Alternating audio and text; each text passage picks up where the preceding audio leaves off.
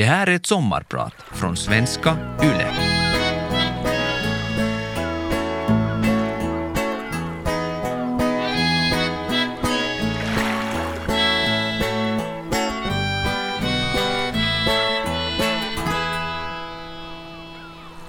Att se ett litet hjärta slå är fantastiskt. När ljudet är påslaget på ultraljudsapparaten kan man också höra det. Ett pickande hjärta som slår otroligt snabbt. Det är ett underverk. Och alldeles speciellt mycket så om man som förälder har haft svårigheter med att komma så här långt. Att man nu är på ultraljudsundersökning. Man känner också sitt eget hjärta slå. Först av rädsla, innan man vet om det lilla livet fortfarande är där. Sen av glädje, när man inser att det faktiskt är så. Det man ser där på skärmen är ett kommande liv. Ett foster med en evolutionär vilja att växa och bli född. Man börjar planera livet framåt med det där lilla livet. En bebis, vår bebis.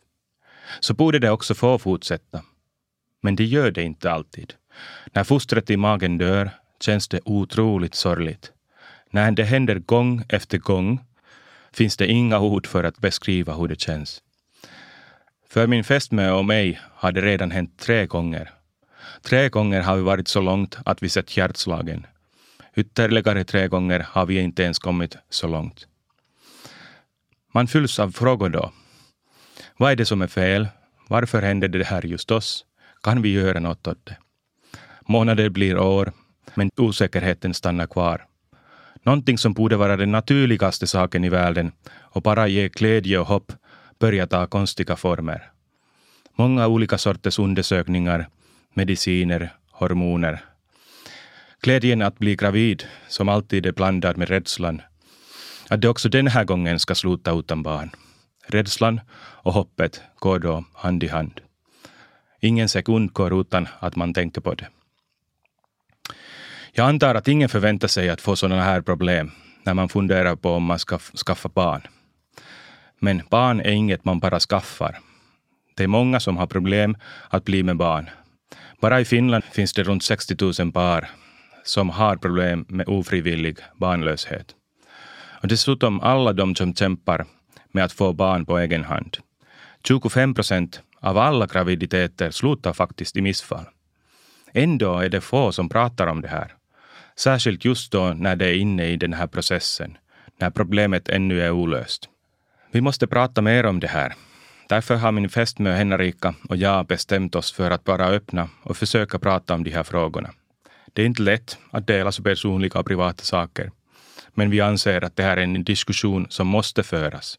Den är för viktig för att bara tystas ner. Det är många som behöver höra det också. Jag är Ville Niinistö, Europaparlamentariker för De gröna. Som er sommarpratare ska jag tala om ofrivillig barnlöshet.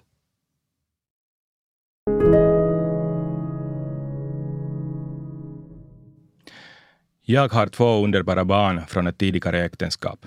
För mig handlar det här alltså om sekundär barnlöshet. För min fästmö Henrika handlar det om primär barnlöshet.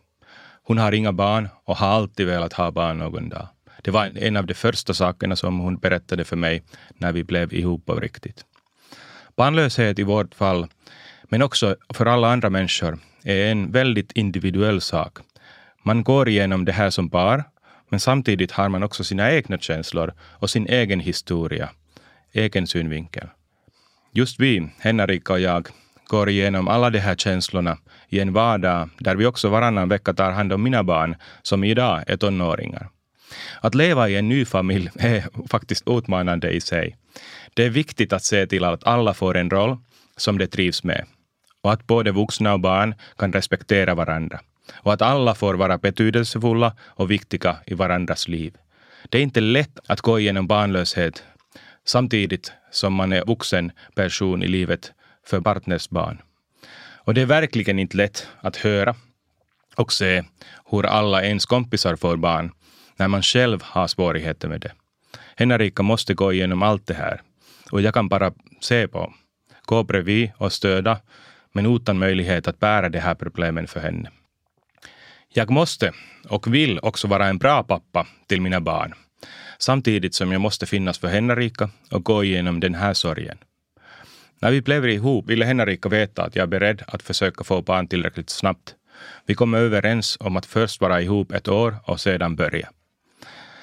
Barnlösheten i vårt fall startade faktiskt i mycket svåra omständigheter som var tunga redan utan barnlösheten. Det var i juli 2020. Min mamma, som alltid varit en mycket kär och nära person i mitt liv, dog plötsligt. Helt utan förvarning. Jag var totalt förstörd då. Under hela mitt liv hon hade varit mitt största stöd i allt. Hon som kunde allt om litteratur i världen, som alltid kunde hitta de rätta orden, som hade ett hem där tiden stannade, där kärleken övervann allt och alla problem försvann. Det här är första gången som jag pratar om mammas död offentligt. Det var för svårt att säga något just när det hände. Men mitt i sorgen efter mamma, bara en vecka efter att hon dog, fick vi veta att Henrika var gravid. På något sätt blev det här extra viktigt just då för mig. Jag tänkte att kanske livet går i generationer framåt. Allt har sin mening. Men så blev det inte. Mitt i planeringen av min mammas begravning fick vi vårt första missfall. Det blev en sorts begravning till. Det var tufft. Men i efterhand vet vi ju att ännu tuffare saker väntade. Samma höst fick Henrika ett missfall till, betydligt längre in i graviditeten. Det behövdes en operation den gången. Sedan dess har vi upplevt det här fyra gånger till i olika skeden. Det är säkert svårt att förstå för någon som inte har gått igenom allt det här, hur svårt det är att få hjälp och rätt vård. Hälsovården verkar kunna och veta förvånansvärt lite om missfall, med tanke på att det är så vanligt. Efter det första missfallet blir man inte ens undersökt. Och många säger att man knappt blir bemött som en människa med både fysisk och mental smärta. Den offentliga vården i Finland har en hög tröskel för att ge vård för barnlöshet.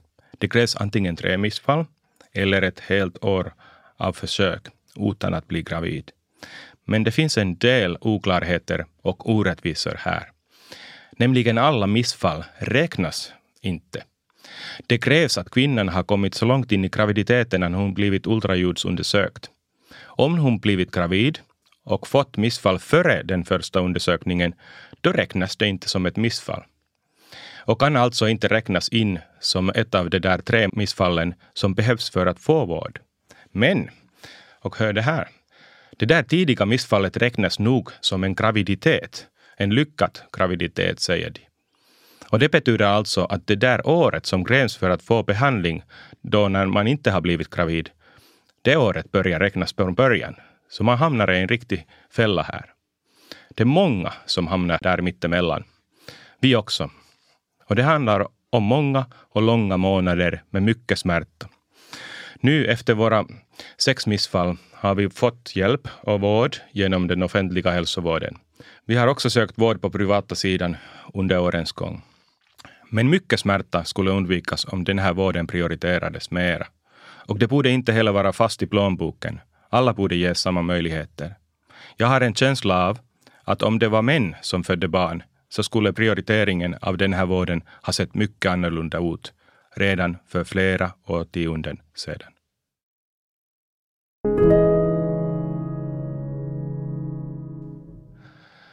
Nativiteten är låg i Finland. Det pratas ofta om att hur viktigt det är att den höjs, att det föds flera barn. Politiker och andra, ofta äldre personer, brukar prata om Finlands låga nativitet ungefär som att det är någonting som yngre generationer gör fel. Som om det skulle vara själviskhet som låg bakom det här. Och som om lösningen skulle vara synnytystalkot eller födelsetalkon, så som förra statsministern Antti Rinne föreslog. Uttalanden som det här känns direkt sårande Särskilt nu efter vår egen erfarenhet. Det finns en massa olika skäl till varför alla inte får barn. Ekonomisk osäkerhet, stress, sjukdomar. Eller något annat som får en att planera in det här först i ett senare skede i livet. Det finns de som inte har hittat rätt partner. Och såklart finns det också många som inte är beredda att ha barn, antingen just då eller överhuvudtaget. Det kan finnas olika skäl till det oron för framtiden, för hela mänskligheten och planeten, eller helt privata funderingar om sitt eget liv och ansvar. Och det finns ingenting i det här valet som andra har rätt att blanda sig i eller moralisera över. Men sedan finns det många, väldigt många, som är som vi, som vill få barn men inte lyckas. Det första som vi alla borde komma ihåg när vi pratar om andra människors livsval är att vi alla har våra egna kors att bära. Empati och förmågan att se det humana i livet är en av de viktigaste ingredienserna i ett bra samhälle. Beslutsfattare och alla som jobbar inom den offentliga sektorn måste kunna göra det. Se människan, inte statistiken, i allt bemötande av människor. Barnlöshet är en stor samhällelig fråga som behöver politiska svar och prioritering i hälsovården. När jag pratar med andra som drabbats av det här säger de flesta att det tyngsta är att man känner sig fel hela tiden på något sätt. Man är fel människa, man är på fel plats. Och man känner sig ensam. Man tror att man har själv gjort något fel när man inte blir bemött på rätt sätt. När man inte visas empati och förståelse. Vi som får missfall hanteras som något sorts sidofall på förlossningsavdelningarna. Det finns inget riktigt system uppbyggt inom vården av missfall. Rutinerna är uppbyggda som om målet skulle vara att inte ge vård, att inte undersöka. Det är bara att ta några piller, bli av med fostret, att gå hem. Försök igen. Hej då. Och nu pratar jag alltså inte om vårdarna som oftast gör sitt bästa och som verkligen känner behovet att ge mer stöd och är medvetna om det. Men systemet stöder inte vårdarna, som också de måste kämpa emot det. Är viktigt att känna att man blir bemött som en människa med behov i en fråga där samhället verkligen borde ha ett stort intresse att hjälpa. Om vård för barnlöshet skulle ges snabbare och mer systematiskt skulle man undvika mycket psykisk och fysisk smärta som kommer med varje förlängd månad utan vård för många finländare och onödiga mängder av missfall som skulle kunna möjligen undvikas. Det här måste prioriteras bättre. Att få stöd med att få barn borde vara en självklarhet, speciellt eftersom politikerna gärna lyfter fram att det borde födas flera barn i Finland.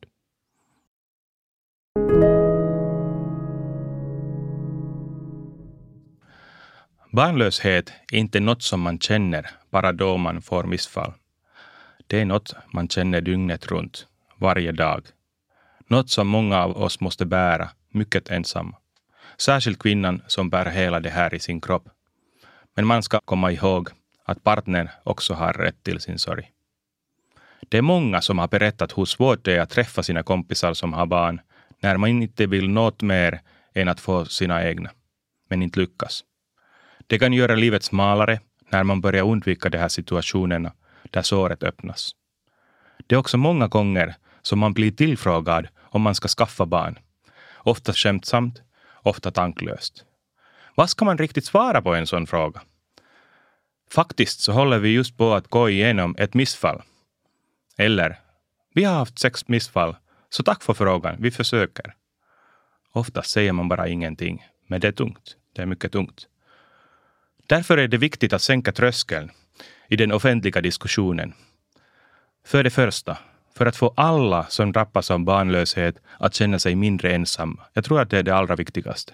De kan hitta andra som går igenom samma sak, få kamratstöd och också information om vad som kan hjälpa i deras fall. Sedan för de andra, för att styra diskussionen till att det ska bli lättare att få vård, både för barnlösheten och för de psykologiska behoven som finns där.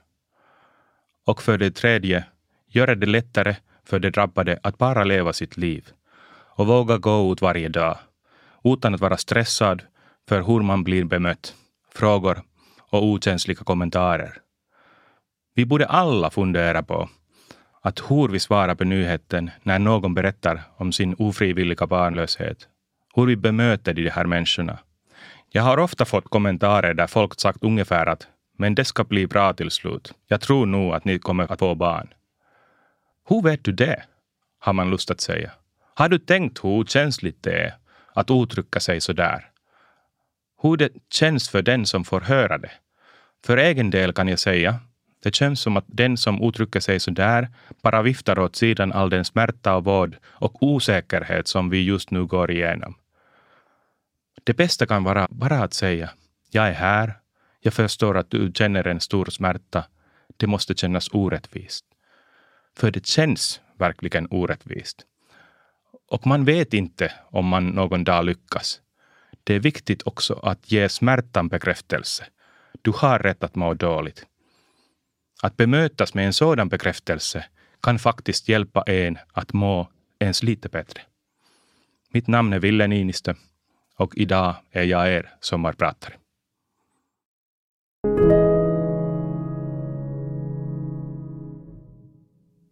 På sistone har jag funderat mycket kring moralen runt olika sätt att ge vård för barnlöshet. Den moderna, utvecklade hälsovården kan nämligen på många olika sätt hjälpa oss som har svårt att få barn. Men här i Finland är dörren till den här hjälpen stängd för en del av oss. Det handlar alltså inte bara om att vården är svår att få och att köerna är långa. Det finns också direkt lagliga hinder. Fram till år 2007 var det möjligt i Finland att bli surrogatmoder om man var personligen bekant med dem man hjälpte. Att vara surrogatmoder innebär alltså att bära och föda någon annans barn. Låna ut sin livmoder för nio månader. Låta ett barn som inte är ens eget växa där. För att hjälpa någon som inte kan få barn. Och det här är helt utan ekonomiskt intresse. Och sedan föda och avstå från barnet till barnets föräldrar. Det här har alltså varit lagligt i Finland, men gjordes olagligt för 15 år sedan trots att det inte fanns några problem alls med det surrogatmödraskap som hade gjorts i landet innan det. Oftast för att hjälpa en nära släkting. Jag förstod aldrig den här lagändringen och tycker fortfarande att det var ett misstag att ta ett steg tillbaka i utvecklingen. Något som den teknologiska utvecklingen hade gjort möjligt stoppades alltså för att de dåvarande regeringspolitikerna kände något konservativt behov att bestämma hur barn ska bli till. Ett behov att försvara en förlegad idealbild, ett kärnfamiljsideal. Men här har samhället tack och lov tagit stora steg framåt sedan dess. Jag tänker på vår jämställda äktenskapslag och mer jämställdhet för sexuella och könsminoriteter som jag har själv också jobbat mycket för. Det är inte upp till oss politiker att begränsa folks möjligheter att bilda familj Tvärtom, rätten att bilda familj och möjligheten att kunna få barn bör utvidgas. Surrogatmödraskap är också en fråga om acceptans av olika sorters familjer. Till exempel samkönade manliga par skulle hjälpas av den här möjligheten. Nu för tiden måste många hitta ett sätt att försöka gå runt lagen. Det finns de som söker surrogatmödrar utomlands där det är lagligt, till exempel i USA. Varför inte göra det möjligt igen, också här i Finland. Vår nuvarande regering har faktiskt skrivit in i sitt program att det ska göra en utredning om det här. Än så länge har det inte gjorts. Jag skulle vara beredd att gå så långt som att börja fundera på möjligheten för ett så kallat ekonomiskt surrogatmödraskap, där den som bär barnet får en ekonomisk ersättning för det, som för ett jobb. Som jag ser det finns det inget tydligt moraliskt skäl att hindra dem som drabbas av barnlöshet att gå framåt med det, om de inte har en närstående människa som kan bli surrogatmoder. Såklart måste en sån här lösning ha mycket tydliga lagliga begränsningar som hindrar människohandel och garanterar rättigheter, vård och rättvis kompensation till surrogatmodern. Men i grunden handlar det också om hennes rätt. Hennes rätt till sin kropp och hennes rätt att göra ekonomiska avtal med personer som myndigheterna kommit fram till att är i behov av den hjälpen. Ibland kommer man också överens om att surrogatmodern kan vara delaktig i barnets liv. Ekonomiskt surrogatmödraskap är lagligt i många länder. Att göra det lagligt också hos oss ser jag som något enbart positivt. Att göra det här lagligt i ett välorganiserat land som Finland skulle göra processen tryggare och säkrare för alla inblandade och såklart skulle det öppna upp nya möjligheter att lösa barnlöshet för finländare.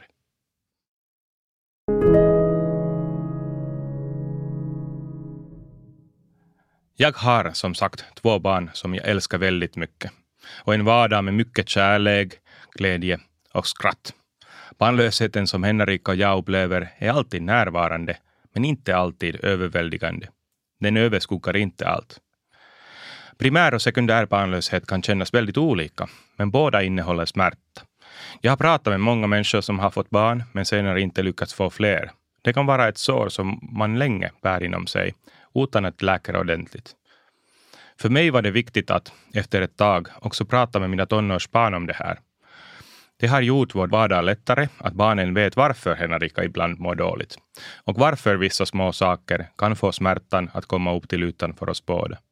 Samtidigt vet barnen hur mycket jag älskar dem och hur viktiga även Henrika tycker att de är. De behöver också bekräftelse i en sån här process, så att de inte känner det som att de är inte är tillräckliga. Det är lätt att känna sig utanför i en ny familj om man inte har egna barn. Det kan vara extra tufft när man försöker men inte lyckas få egna barn. Det här är något som jag och barnen hela tiden försöker komma ihåg i vår vardag med Henrika. Det är viktigt att dela och kunna gå igenom stora sorger i livet tillsammans i en familj, även om alla har sin egen roll, som kan skilja sig ganska mycket beroende på vem man är. Under vårt första år av ofrivillig barnlöshet kände jag mig nästan lite utanför. Jag som redan har barn och Henrika som fysiskt går igenom allt det här och inte har några egna barn. Jag kände att mina känslor liksom inte hade rätt att bli hanterade. De var inte likvärdiga. Fick jag ens känna sorg? Jag som redan har två underbara barn. Men sedan insåg jag att också partnern och mannen har rätt att gå igenom sin egen smärta. Också när man har barn från tidigare. Det är viktigt att känna sorg och låta den komma ut. Inte trycka undan det som är svårt. Utan prata med sina vänner om sina känslor, allt som man har burit inom sig en lång tid, när man har bara velat stödja sin partner. Ingen ska helt ensam bära en sån här sten i sitt hjärta.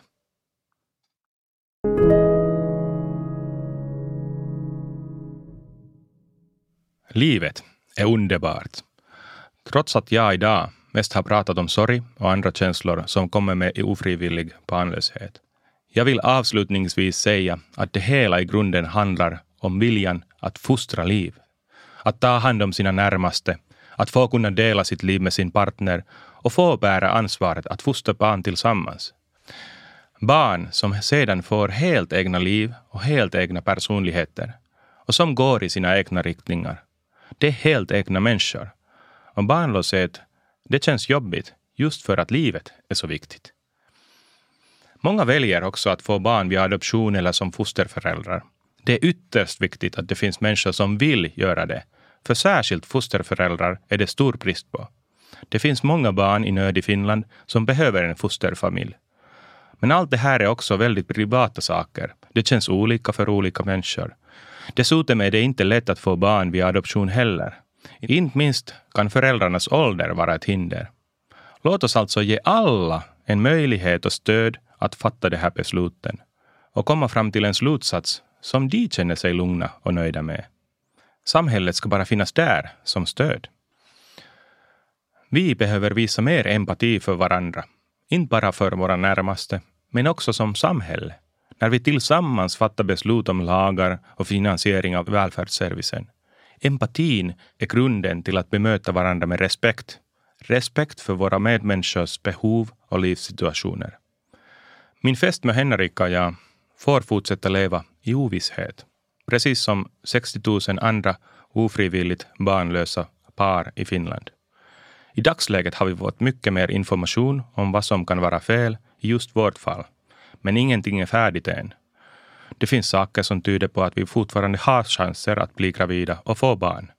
Men också saker som tyder på att chanserna kan vara relativt låga. Jag vill ändå avsluta med att ge hopp till er alla. Livet är ett underverk. Och också den smärta och djupa besvikelse som man ibland måste gå igenom, som till exempel ofrivillig barnlöshet, kommer ur längtan att vilja fira livet det underbara livet som finns runt oss alla. Även om alla våra förhoppningar inte alltid förverkligas. Låt oss se det, värdesätta det och känna oss lugna med det. Jag är Europaparlamentariker Ville Niinistö och det har varit en ära att få vara er sommarpratare.